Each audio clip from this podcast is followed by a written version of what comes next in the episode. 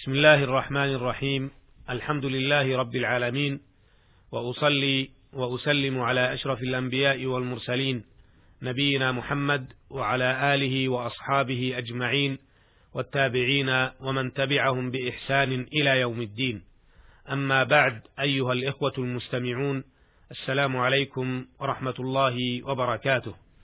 تحدثنا في الحلقة السابقة عما رواه الشيخان عن عبد الله بن عمر رضي الله عنهما أنه قال بينما الناس بقباء في صلاة الصبح إذ جاءهم آت فقال إن النبي صلى الله عليه وسلم قد أنزل عليه الليلة قرآن وقد أمر أن يستقبل الكعبة فاستقبلوها وكانت وجوههم إلى الشام فاستداروا إلى الكعبة.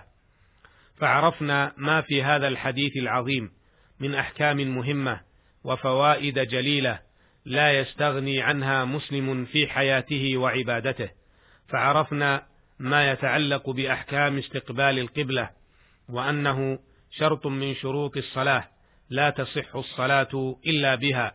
فلو صلى المصلي إلى جهة غير القبلة لا تصح صلاته. وعرفنا شدة حرص صحابة رسول الله صلى الله عليه وسلم على امتثال أوامره. فها هم رضي الله عنهم حينما أخبرهم الثقة العدل أن القبلة تحولت من بيت المقدس إلى الكعبة المشرفة سارعوا بالامتثال والتطبيق وهم في وهم في الصلاة فحري بكل مسلم أن يراجع نفسه وأن ينظر إلى أوامر ربه فيمتثلها ويطبقها في واقع حياته وينظر إلى نواهيه وزواجره فيجتنبها. ما أحرانا أيها الإخوة المستمعون ونحن نعيش في عصر كثرت فيه الفتن وتنوعت أن نلجأ إلى الله سبحانه وتعالى وأن نلوذ به وأن نعظمه في نفوسنا فنعمل بما جاءنا عنه جل وعلا. أسأل الله ذلك. أيها المستمعون الكرام في هذه الحلقة نستعرض ما رواه الشيخان عن أنس بن مالك رضي الله عنه أنه قال قال رسول الله صلى الله عليه وسلم سووا صفوفكم فإن تسوية الصفوف من تمام الصلاة. وما رواه الشيخان عن النعمان بن بشير رضي الله عنه أنه قال سمعت رسول الله صلى الله عليه وسلم يقول لتسون صفوفكم أو ليخالفن الله بين وجوهكم. وفي رواية لمسلم كان رسول الله صلى الله عليه وسلم يسوي صفوفنا حتى كأنما يسوي بها القداح حتى رأى أن قد عقلنا عنه ثم خرج يوما فقام حتى كاد أن يكبر فرأى رجلا باديا صدره فقال عباد الله لتسون صفوفكم أو ليخالفن الله بين وجوهكم. هذان الحديثان الجليلان. فيهما أحكام مهمة وفوائد جليلة نقف معهما الوقفات الآتية. الوقفة الأولى. قوله في حديث النعمان بن بشير كأنما يسوي بها القداح. القداح خشب السهام تنحت وتبرى ويبالغ في تسويتها وتعديلها حتى تكون على نسق واحد. وقوله حتى رأى أن قد عقلنا عنه. عقلنا بكسر القاف أي فهمنا ما أمرنا به من التسوية. الوقفة الثانية. دل الحديثان على أهمية تعديل الصفوف في الصلاة. ففي حديث أنس رضي الله عنه أمر صلى الله عليه وسلم بذلك فقال سووا صفوفكم. ثم أخبر أن تسويتها من تمام الصلاة زيادة في تأكيد هذا الأمر وأهميته. وفي حديث النعمان بن بشير رضي الله عنه ذكر الوعيد الشديد لمن لم يسوي الصف، وجعل عدم تسوية الصفوف سببا لاختلاف القلوب. وفي رواية مسلم رحمه الله أن الرسول صلى الله عليه وسلم كان يسوي الصفوف بنفسه صلوات الله وسلامه عليه. وهذا الأمر أعني تسوية الصفوف في الصلاة جاءت به النصوص الكثيرة.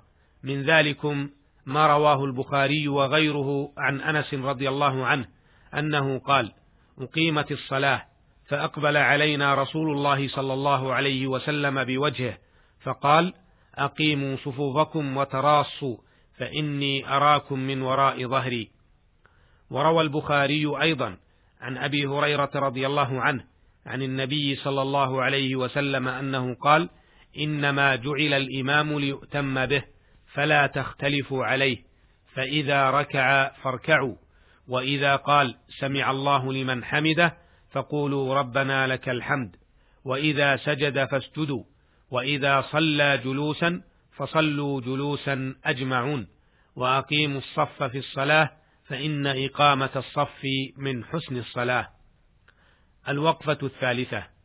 وكما ورد الحث على تسوية الصف في الصلاة ورد التحذير من اعوجاج الصف وعدم إقامته وإثم من تسبب بذلك. ففي حديث النعمان بن بشير رضي الله عنه يقول الرسول صلى الله عليه وسلم لتسون صفوفكم أو ليخالفن الله بين وجوهكم وروى البخاري رحمه الله عن أنس بن مالك رضي الله عنه أنه قدم المدينة فقيل له ما أنكرت منا منذ يوم عهدت رسول الله صلى الله عليه وسلم فقال ما أنكرت شيئا إلا أنكم لا تقيمون الصفوف. الوقفة الرابعة قوله في الحديث لتسون صفوفكم أو ليخالفن الله بين وجوهكم قال الحافظ ابن حجر رحمه الله ليخالفن الله بين وجوهكم أي إن لم تسووا والمراد بتسوية الصفوف اعتدال القائمين بها على سمت واحد أو يراد بها سد الخلل الذي في الصف. واختلف في الوعيد المذكور فقيل هو على حقيقته. والمراد تسوية الوجه بتحويل خلقه عن وضعه بجعله موضع القفا أو نحو ذلك فهو نظير ما جاء من الوعيد في من رفع رأسه قبل الإمام أن يجعل الله رأسه رأس حمار. ثم قال قال ابن الجوزي الظاهر أنه مثل الوعيد المذكور في قوله تعالى من قبل أن نطمس وجوها فنردها على أدبارها. ومنهم من حمله على المجاز. قال النووي معناه أن يوقع بينكم العداوة والبغضاء واختلاف القلوب. كما تقول تغير وجه فلان علي أي ظهر لي من وجهه كراهية لأن مخالفتهم في الصفوف مخالفة في ظواهرهم. واختلاف الظواهر سبب لاختلاف البواطن ويؤيده رواية أبي داود وغيره بلفظ أو ليخالفن الله بين قلوبكم. وقال القرطبي معناه تفترقون فيأخذ كل واحد وجها غير الذي أخذ صاحبه لأن تقدم الشخص على غيره مظنة الكبر المفسد للقلب الداعي إلى القطيعة. انتهى كلامه رحمه الله.